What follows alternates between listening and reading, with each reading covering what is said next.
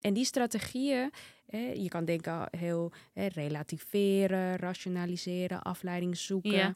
Maar je kan ook denken aan strategieën die gericht zijn op het voelen van e- positieve emoties. Denk aan eh, bewegen, voedsel, slapen, eh, nou, maar ook seks.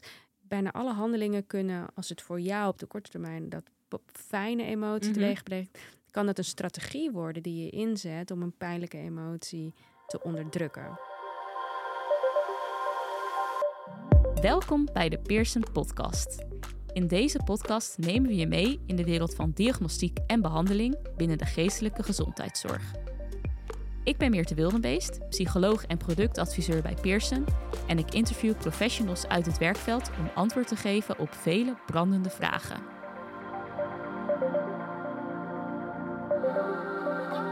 Voordat we verder gaan, nog even dit. Hoe gaan jouw cliënten om met lastige situaties ben jij bijvoorbeeld benieuwd naar hoe een cliënt op jouw behandeling zal reageren? Gebruik dan de Utrechtse copinglijst, beter bekend als de UCL, om te onderzoeken welke copingstijlen jouw cliënt inzet in moeilijke situaties. Bekijk de Utrechtse copinglijst op pearsonclinical.nl/slash podcast.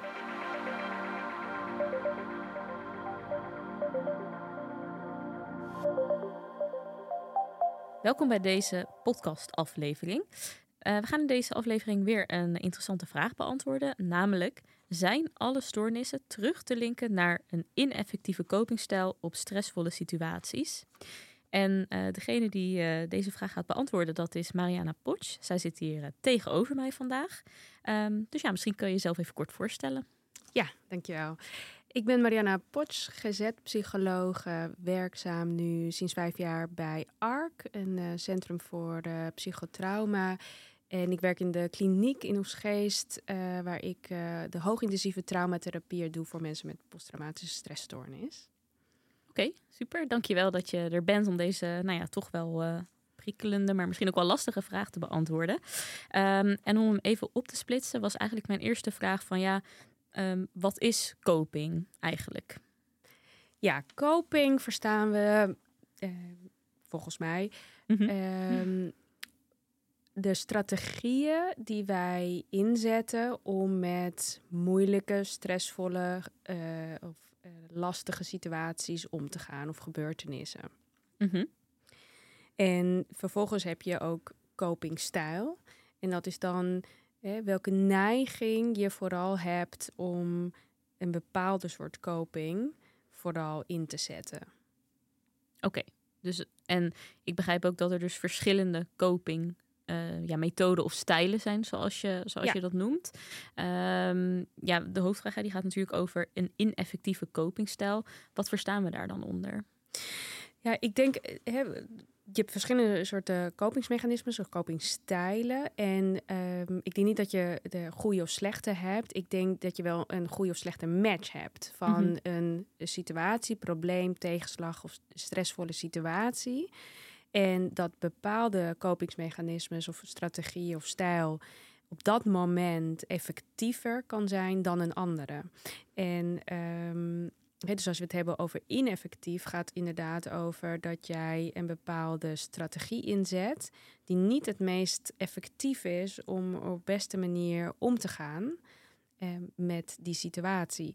En dat kan op de lange termijn klachten en problemen geven. En aan wat voor klachten of problemen ja, kan ik dan denken?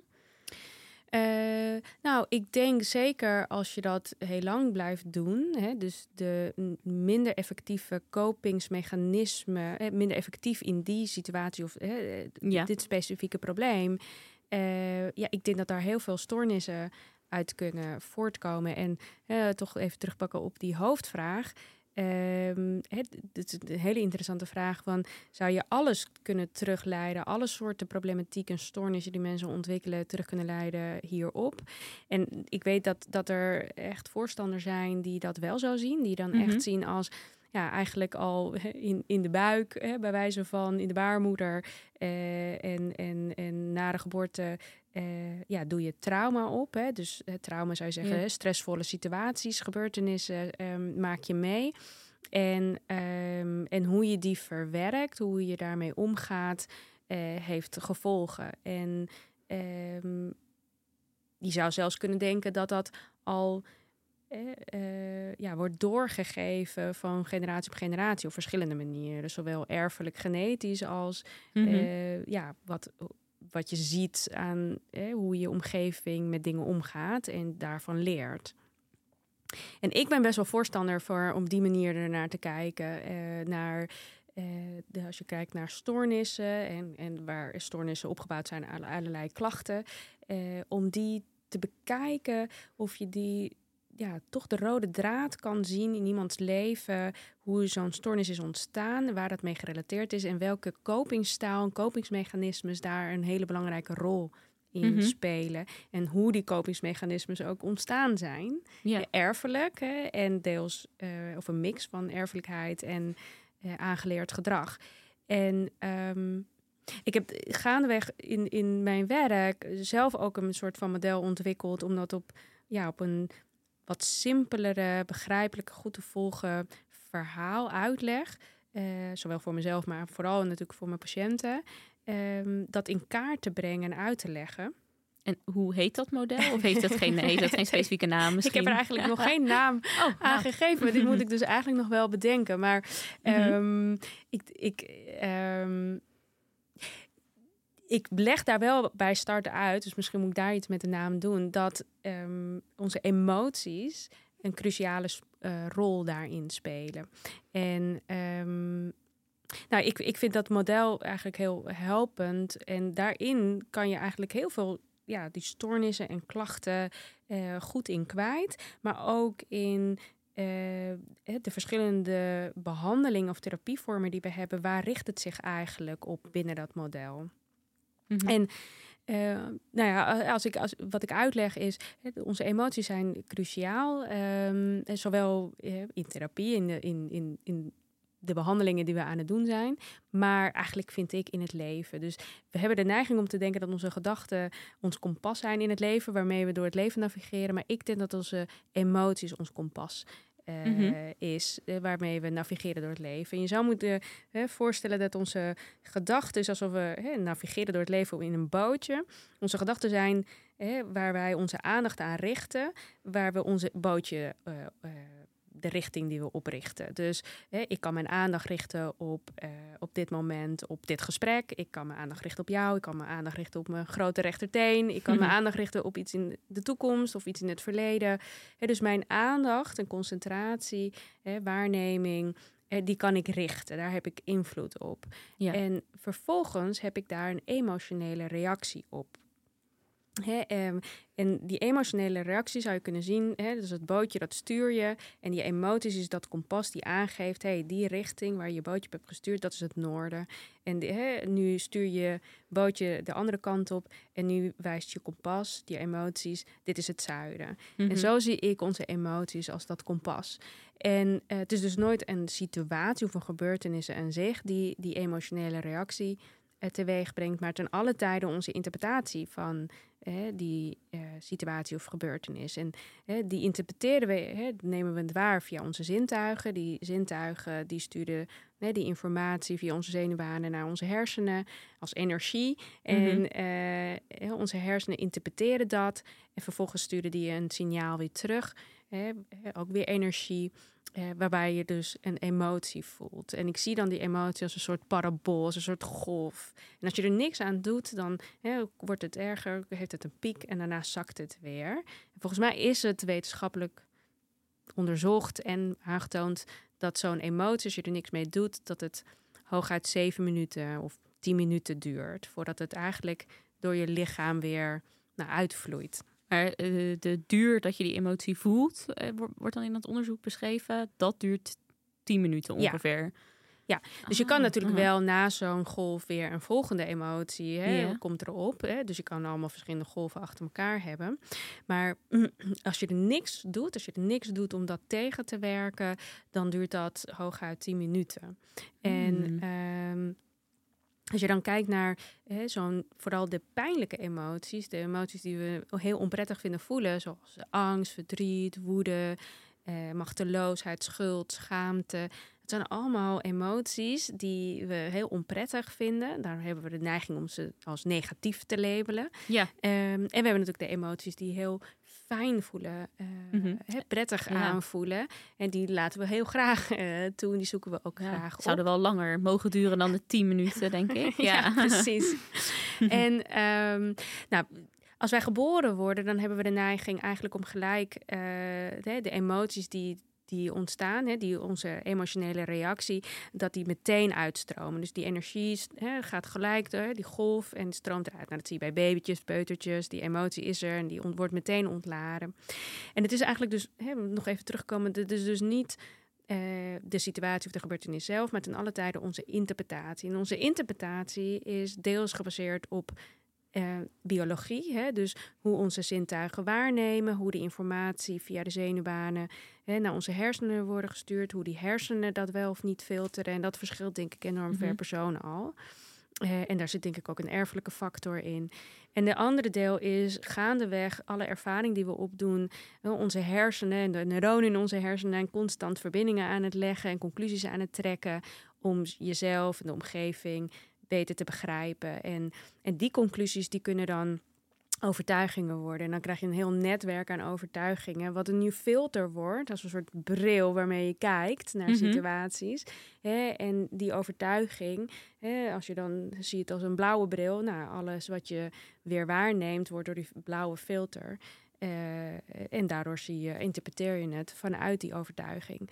Yeah. Um, hè, dus, en dan krijg je dus een emotionele reactie. En bij die pijnlijke emoties gaandeweg hè, van baby, peutertje, kleutertje, leren we, leren kinderen denk ik zelf, maar ook leren ze dat aan van de omgeving, omdat ze dat afkijken, maar ook omdat ze dat aangereikt kijken, dat je bepaalde emoties niet gelijk volledig hoeft te voelen, maar dat je iets kan doen om die emotie, vooral die pijnlijke emoties, even te stoppen. Mhm. hè, eh, zodra je hem voelt opkomen. En eh, nou, ik zie het altijd alsof een soort ballon aan ons, hè, waarmee we geboren zijn, aan ons vastzit. En die ballon die vult zich met lucht. Die lucht is die emotie, energie. Hè? En uh, nou ja, bij babytjes en kleutertjes, dat, dat stroomt gelijk eruit. Maar op een gegeven moment leren we dat die ballon ook dicht kan. En dat we Mhm. hè, die kunnen laten invullen. En dat we ook kunnen bepalen of we dat daar laten of dat we het alsnog ontladen. En ehm, nou, de valkuil is om hè, te denken dat we dat in die ballon kunnen stoppen en daar nooit meer naar hoeven te kijken. Terwijl eigenlijk de ballon is bedoeld voor tijdelijk hè, en daarna weer ontladen moet worden. En ik denk dat heel veel dingen die we in ons leven eh, rusten, slapen, dromen, dan doen we die verwerking. Dan alles wat we hè, aan emoties Mhm. in die ballon hebben opgespaard, worden alsnog verwerkt. Ehm, maar als je heel veel hele heftige dingen meemaakt met een intense emotie eh teweeg brengt, dan is die ballon in één keer helemaal gevuld. Ja, dan zul je toch echt dingen moeten doen om die te ontladen.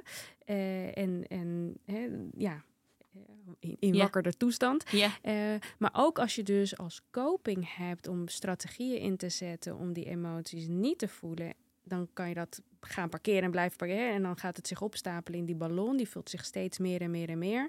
Ehm, en die strategieën, eh, je kan denken heel eh, relativeren, rationaliseren, afleiding zoeken. Ja. Maar je kan ook denken aan strategieën die gericht zijn op het voelen van e- positieve emoties, van die prettige emoties. En eigenlijk allemaal handelingen die ons helpen om die positieve emoties, hè, eh, de emotionele reactie teweeg te brengen. Denk aan eh, hè, bewegen, voedsel, slapen, eh, nou, maar ook seks. Denk aan hè, dingen die we gaandeweg leren, bijvoorbeeld opruimen of bepaalde voedsel of alcohol, drugs, gokken. Nou ja, eigenlijk bijna alle handelingen kunnen, als het voor jou op de korte termijn dat fijne emotie Mhm. teweeg brengt, kan dat een strategie worden die je inzet om een pijnlijke emotie te onderdrukken. En dan kom je dat dat eigenlijk problematisch kan worden. Want als jij je oké voelt en je gaat, nou, bij wijze van alcohol drinken, dan voel je je misschien even beter, dan zakt dat wel weer. Eh, en dan voel je weer oké. Ja. Maar als jij je onprettig voelt en je wil, gebruikt alcohol om die onprettige emotie in die ballon te houden, Mhm. dan krijg je dat, hè, dat helpt even. Dus hè, die even fijne emotie voelt je even beter. Maar als zodra dat is uitgewerkt of wegzakt, hè, ook die golfbeweging, die parabool, Mhm. dan komt die lucht uit die ballon wil er weer uit. En dan heb je je Mm. volgende fix nodig. En dan krijg je dat bijna alle handelingen dan hè, een obsessie of een verslaafd Mm. element aan. Ja, ik wilde net vragen, is dat dan het, ehm, het mechanisme achter verslavingen? Dat is natuurlijk ja, dat mensen steeds meer ook nodig hebben om dezelfde eh, ja, of kick of ja, verdoving te krijgen. Maar komt verslaving dan vaak voort uit juist pijn niet willen voelen of emoties niet willen voelen? Ja, ik denk dus dat verslavingen heel vaak dus ontwikkeld worden hè, als eh, op de lange termijn, omdat dit soort handelingen, hè, als strategie om pijnlijke emoties niet te voelen, niet te ontlaren. En eh, maar ook bijvoorbeeld obsessief-compulsieve stoornissen, hè, die heel erg gaat over controle. Het gaat er heel erg over al die emoties in die ballon eh, te houden. Dat je eigenlijk alle handelingen, nou, ik merk bijvoorbeeld dat ik, eh, ik hou erg van netjes zijn en opruimen. Mhm. Eh, dat geeft me een heel goed gevoel. Maar zodra ik eigenlijk veel te veel... en dan kan ik heel veel lijstjes van wat ik allemaal moet doen... en ik ga dan heel erg opruimen en alles stoort me aan... Hè, alles moet netjes Mhm. opruimen. Dan weet ik, oh, wacht even, wat probeer ik met dit gedrag... iets anders niet te voelen. Ehm, eh, nou ja, dus ik denk dat heel veel stoornissen ontstaan... eigenlijk strategieën eh, en kopingsmechanismes om emotionele pijn te onderdrukken, in die ballon te houden en eh, niet te willen voelen. Ja. Ehm, nou, je kan je voorstellen dat dan die ballon zich steeds meer en meer en meer vult als je dat dus niet doet, als je dat niet die, die emoties ontlaat. En ehm, ja, dan krijg je dat op een gegeven moment, die ballon, zie het altijd hè, weer in dat bootje, dat ballon wat gigantisch is, wat enorm belemmerend is, vol met pijnlijke lucht, hè, waar je misschien ook wel voor schaamt. En die druk je dan een soort van onder water weg. Maar wat gebeurt er met een ballon vol lucht wat je onder water drukt? Ja, die, komt wil, weer naar boven. die wil Ja, omhoog. Ja. Dus je emoties, jouw lichaam wil die emoties ontladen. Die wil eigenlijk hè, die laten vloeien hè, voor de Mm. verwerking. Dat is dat zelfverwerkingsproces wat ons lijf en onze hersenen hebben. En die, dat proces, ja, dat, dat hou je tegen. Dus dat kost heel veel kracht en er zit dan zoveel spanning op. En hè, die, die ballon wil omhoog. Nou, als je strategieën even falen, hè, eh, je probeert de controle op die ballon, maar ja, die ballon ontglipt je. Mhm. En dan voel je controleverlies. Dan schiet die ballon omhoog. En dat is wat mensen dan ervaren. Die hebben dan zoveel opgespaard. Als hun emoties even ontglipt, dan voelen ze pff, een soort ja. hè, uitbarsting. En dat kan een uitbarsting in een paniekaanval. Of Ja, een ik wilde net woede- vragen, wat, wat kan er dan gebeuren inderdaad? Dus een paniekaanval, een woedeaanval, waar, waar kan je nog meer aan denken? Ja, dan, dan Ja. zijn het echt die over, overstroming voelt het dan hè, aan, aan emoties. Ehm, en wij zeggen dus eigenlijk in de behandeling van hé, eigenlijk gaat het heel gericht op die strategieën. Even loslaten, die ballon gewoon rustig op laten komen. En laten we rustig hè, eh, zorgen dat er lucht Mhm. uit die ballon ontladen wordt. Ehm, maar het gaat met name om dat proces van oh, dat niet willen, onderdrukken. Mhm. kost heel veel kracht, gevoel van controleverlies als je strategieën falen en dan schiet die ballon omhoog. Nou, Ja. Mensen zijn zo overtuigd dan, bewust of onbewust, dat ze die piek aan emotie moeten voorkomen. Dat dat eigenlijk de ramp is. En eigenlijk zit er altijd de overtuiging, ik kan het niet aan. Maar dat is niet waar, want in dit geval is het je eigen emoties. En je kan je eigen emotie zijn, want je emoties zijn er voor je, niet tegen je. Mhm. De emotie is niet de gebeurtenis die jou kan beschadigen. Het is jouw kompas die jou helpt te navigeren in, hè, met die situatie of gebeurtenis. Dus ja, mensen zijn dan zo angstig en eh, willen die piek aan emotie niet ervaren en gaan dan uit de weg. Gaan een hele extreme strategieën inzetten. En wij eigenlijk, therapie gaat erover helpen die strategieën los te laten en wel die emotionele pijn te voelen. Eh, en dat je kan je voorstellen dat zo lang onderdrukken daarvan, dat dat echt op de lange termijn, in mijn beleving, dat lijden met lange ei. Ja. Hè? Eh, dus Mm. tot posttraumatische stressstoornis, paniekstoornis, eh, obsessief-compulsieve stoornissen, verslavingen, eigenlijk allerlei ja, stoornissen en pijn leidt, zelfs Mhm. lichamelijke klachten. De energie stroomt niet. Terwijl als je naar die piek aan emotie gaat, dat is wel pijn Ja. emotionele pijn. Maar emotionele pijn hoort nou eenmaal bij het leven. En hè, als je die hè, begrijpt en vertrouwt dat het oké is om dat te voelen, dan komt er de ontlading en dan komt een bepaalde mate van opluchting. Er is weer ruimte in die ballon. En dat geeft eigenlijk de ruimte Mhm. voor het leermoment voor mensen om ja, eigenlijk te leren van wat ze hebben meegemaakt. Om wijzer te worden van de ervaring. En uiteindelijk ook dan de berusting vinden. Ja, ja dus oké, die, die begrijp ik inderdaad. En uh, we begonnen dus met de hoofdvraag. Zijn alle stoornissen terug te linken naar uh, de inactieve copingstijl uh, ja, op stressvolle situaties? Zou je dan kunnen aannemen dat eigenlijk elke behandeling die hè, traditioneel wordt ingezet voor OCD of PTSS of depressie of wat dan ook, zou daar altijd in jouw mening een component van um, ja, wat gaat over coping, zou dat er altijd in moeten zitten, wat jou betreft? Ja, en ik denk dat het zeker heel erg gaat over, hè, als, vanuit mijn, hè, vanuit dit model bekijkend, zou je kunnen zeggen van nou, hè, de klachten waar iemand komt, dat gaat heel erg over dat, dat lijden en de gevolgen van hè, niet verwerken. En uh, dus dan kan je de behandeling heel erg richten op het, op het stukje die kopingsmechanismes, die strategieën die ze inzetten om te leren die niet in te zetten. Of hè, helpende copings die wel gericht zijn op Mhm. emoties toelaten hè, en ontladen. Ehm, eh, dus daar kan je heel erg op richten. En dan hoop je dat eigenlijk, we hebben het zelfverwerkingsmechanisme wat vanzelf gaat. Hè, als, je, als je die strategieën opheft, zeg maar, dat jouw hersenen en jouw lichaam zelf gaan verwerken. Nou, soms heeft ook toch dat stukje meer hulp nodig. En dan gaan de therapieën meer gericht op dan het stukje verwerking ook. Hè? Dus echt die, nog meer die blokkades uh, ja, proberen op te lossen of op te heffen, zodat iemand echt volledig gaat voelen mhm. en daarmee verwerken.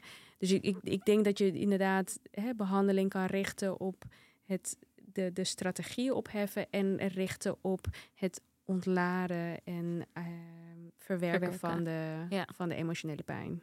En wat voor, je noemde strategieën hè, die gericht zijn op het verwerken van emotionele pijn, bijvoorbeeld.